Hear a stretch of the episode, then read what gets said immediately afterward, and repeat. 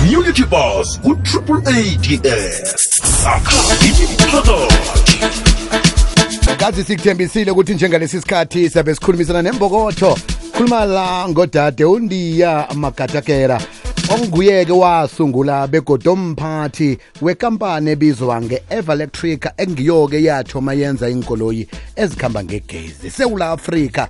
Simazinconywana lotshe sesindiya. Lotho biziwe ngilethisa nabalaleli bonke emakhaya sithokoza kukhulu kwamambala ukuthola ithuba.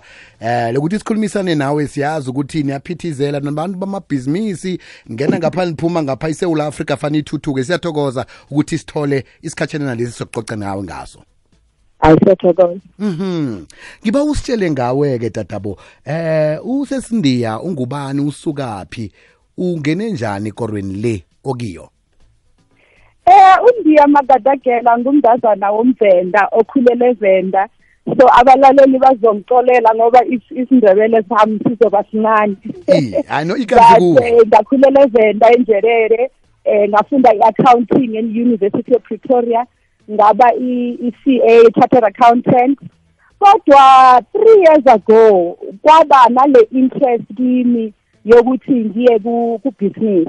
Mhm. eh eh, specifically business yama electric vehicles iza ngokuthi mangihamba nje in other countries kubo Europe kubo America uzobona ukuthi el- electric vehicles zikhona yonke indawo but eSouth Africa eh, we are still behind ka ka kancane nga- ngalento ya yama electric vehicles Hmm. Kodwa ke eh, uyatsho ukuthi ufunde eh, ube wagogoda ku accountancy.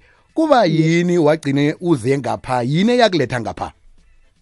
uyabona uma ufunda i-accounting ufunda ibhizinisi kahle kahle eh uyabona ngoba ufunda ama-numbers Okay. so iphume lapho nje yokuthi ngifunde i-business business management and leyo interest yaphuma khona lapho but eh, this is not the first business engayizama ngazama ezinye ezinye zaphumelela ezinye zingaziphumeleli but i think what i'm saying to abalaleli ukuthi sometimes uzoqala into ingaphumeleli but you shouldn't give up Mhm.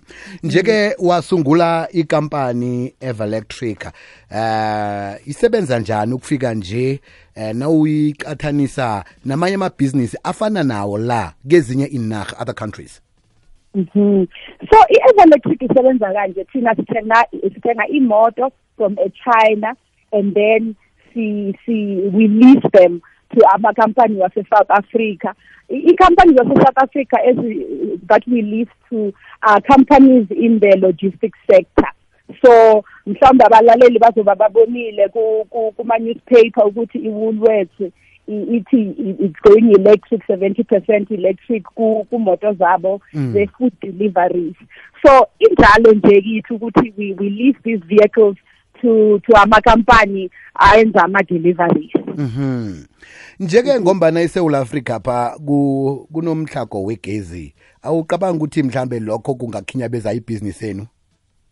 yeah so ele- yazi lo mbuzo lo mbuzo siuthola sonke isikhathi Eh. we- we load shedding Mm. indeed kune load shedding eSouth Africa but cabanga i-cellphone yakho even though kune load shedding uyakwazi uku- ukuyicharger outside of those hours Mm. kaningi ama load shedding hours siwazi in advance Mm, so mm. it's, it's, it's never ukuthi kube ne load shedding nje u- ungazanga unless if i- it's just maybe a blown up transformer or something like that so for for thina sischedule ama charging wethu around ischedule se se load Se-load shedding shedding. the other thing esenzile ku- ku- kumoto zethu is that we put in ama telematics that is just a, a computerized system esitshela ukuthi i-load shedding inini and then we, we let our customers know ukuthi uh, in this area let's say in johannesburg at this time kuzoba kune-load shedding between 8 and 10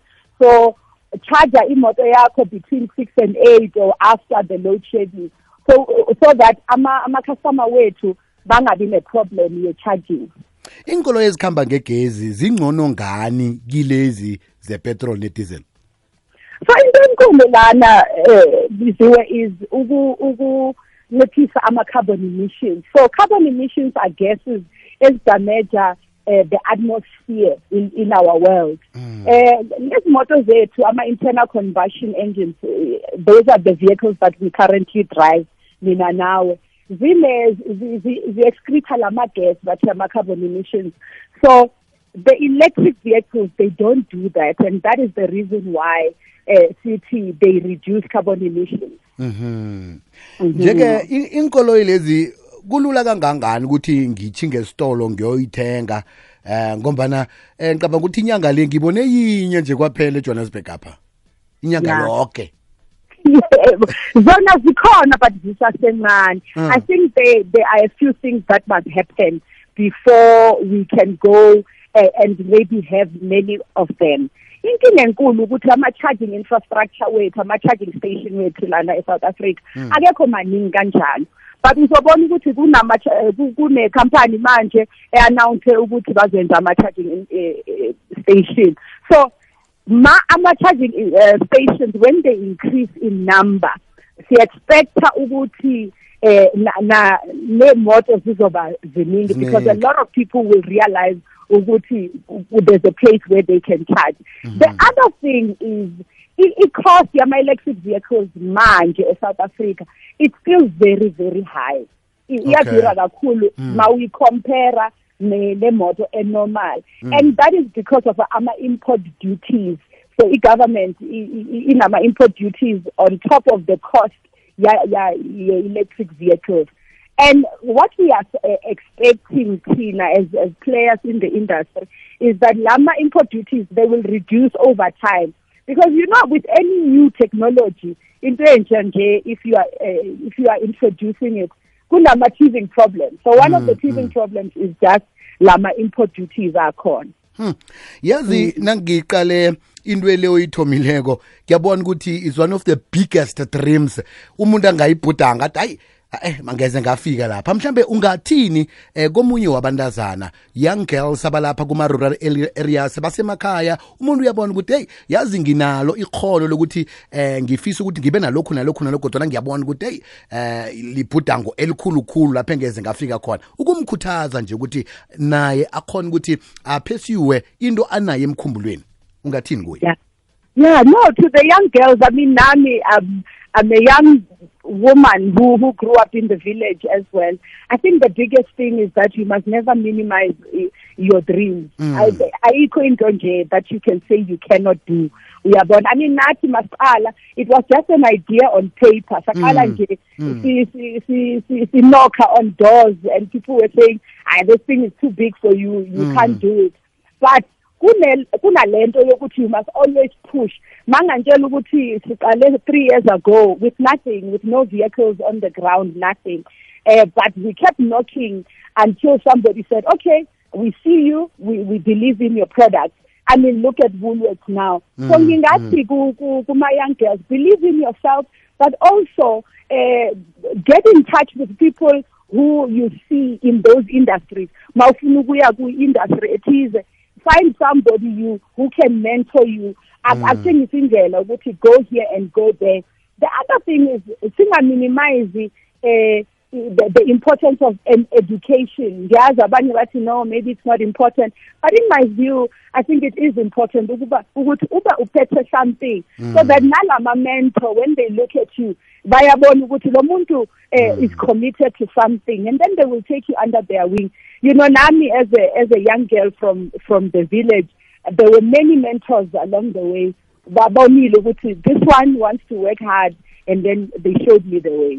ngiyacabanga ukuthi sebakhona abanye esikhulukhulu abenza isayensi abathi singathanda ukuthi-ke sithole imo- imento eh kudade lo undiya mhlambe ke ukhona ku-social media nekhibe mhlambe bangakhona ukuthi bavakatshele ikampani yakho bazokuthola ilulubezeko niyakhona ukuthi nithinteke i-email address ngethini Yebo bangangithinta I'm on all social media ku LinkedIn ku ku Facebook na ku Instagram igama undiya magadagera just just like that and I would be so happy ukuthi ngikhulume nabo especially the young girls mm. who really want to know how how we got here and and how we are building going forward. Asafiki we are still building but definitely singawashare ama lessons. Tatabo sithokoze khuluma mbala sikufisela ichudo ragele phambili ngemsebenzi emihle nokuthuthukisa isewula afrika. Ngiyathokoza thank you. Bye. Thokoze khulu kwamambala besikhulumisana naye ngodade undiya magatakera eh unguye-ke owasungula begodwa umphathi we-everletric kuyikampani eyenza inkoloyi zegezi esewula afrika. Community bus ku-triple ads sakha imiphakathi